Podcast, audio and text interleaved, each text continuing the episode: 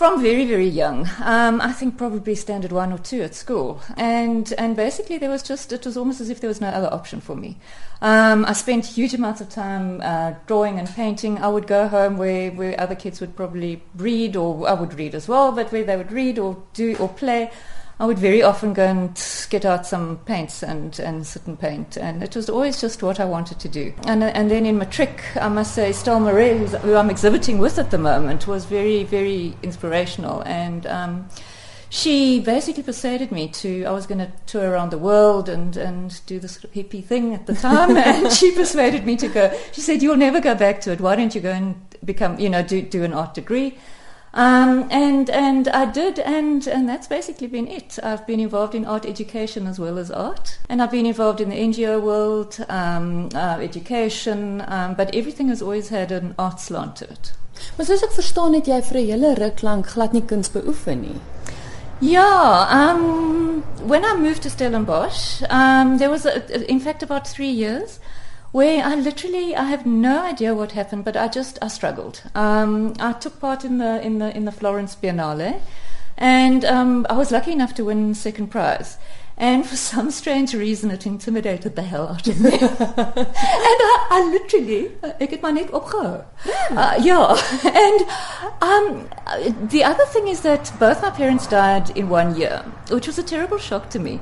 And for two years, I literally, uh, I started making the round wreaths. And um, I was literally, it was, an, it was in a two-stone. I didn't know uh, uh, my, the direction that I was in with my art, huge, big abstract works.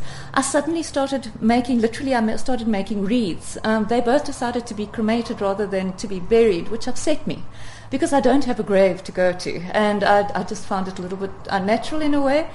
So I just started making my own wreaths, which is literally where the roundworks come from. And um, the first roundwork that I made was um, was ba- very much based on um, every Christmas I got a new doll, so I pasted dolls on it.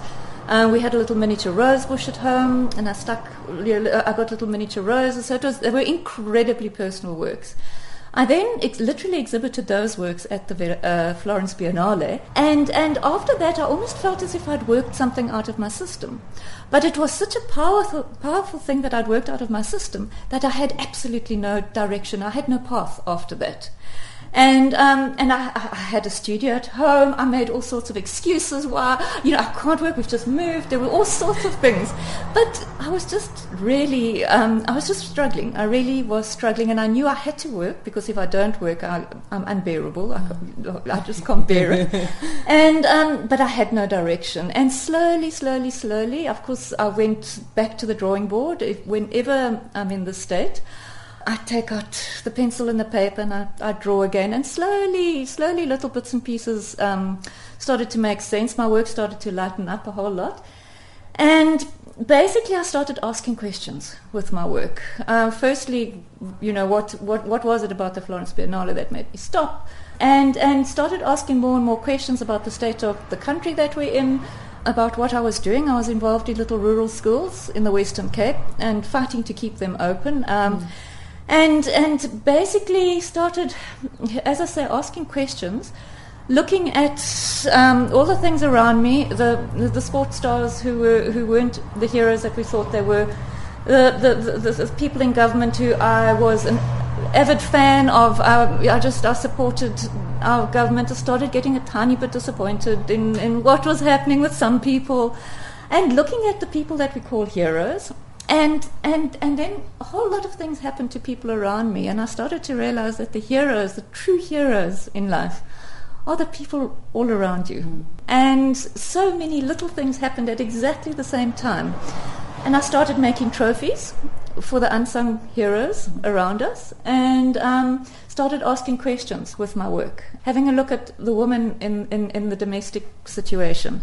I had to clear out my dad's garage and there were so many mooie dinge and memories and rusted things that he, he was such a hoarder. Um, and my dad, I come from a family where my mom was incredibly English and my dad was very Afrikaans, quite sort of conservative, yeah. very Afrikaans. And my mom was quite a, yeah, flittery Yeah. English. So, so, so there were all there was this conflict while I was cleaning out the house and the garage, and and ideas of identity started filtering into my mind, and very, very definitely the identity that I feel that I have, where I really feel like such a real South African in many ways, in that I.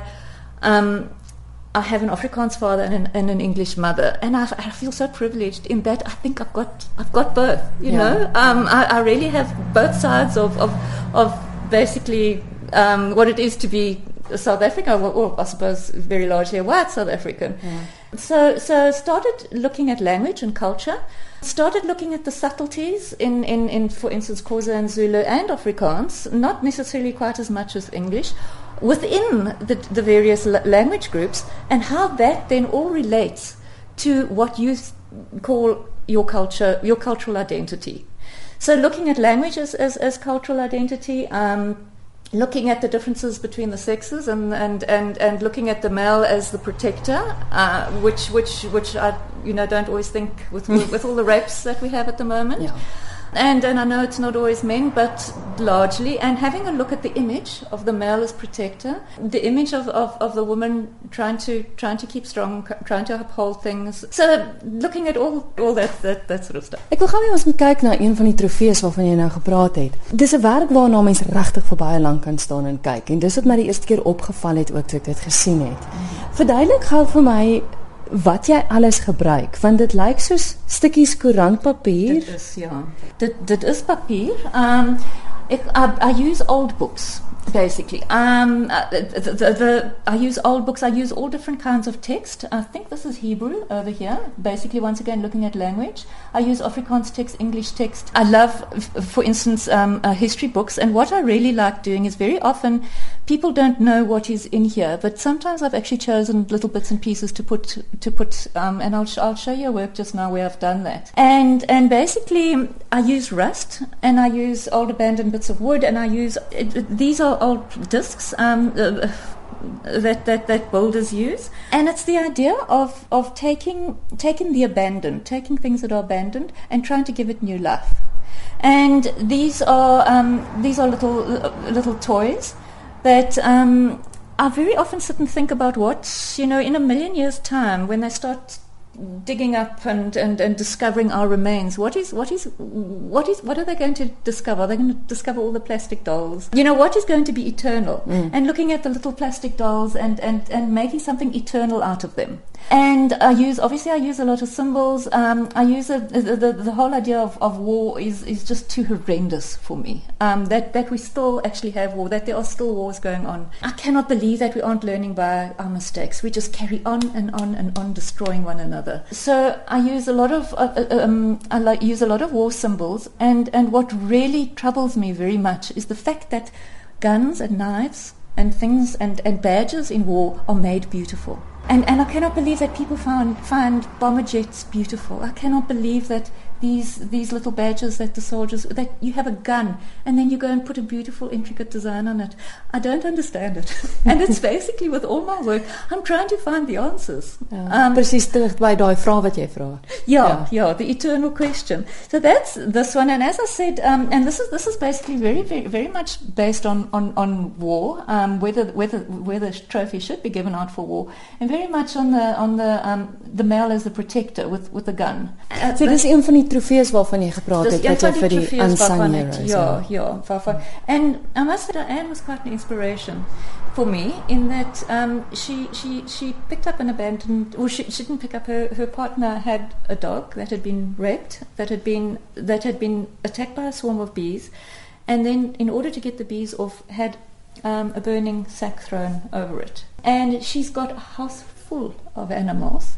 And this dog came into the in, in, into um, the uh, into the vet, and she took it in.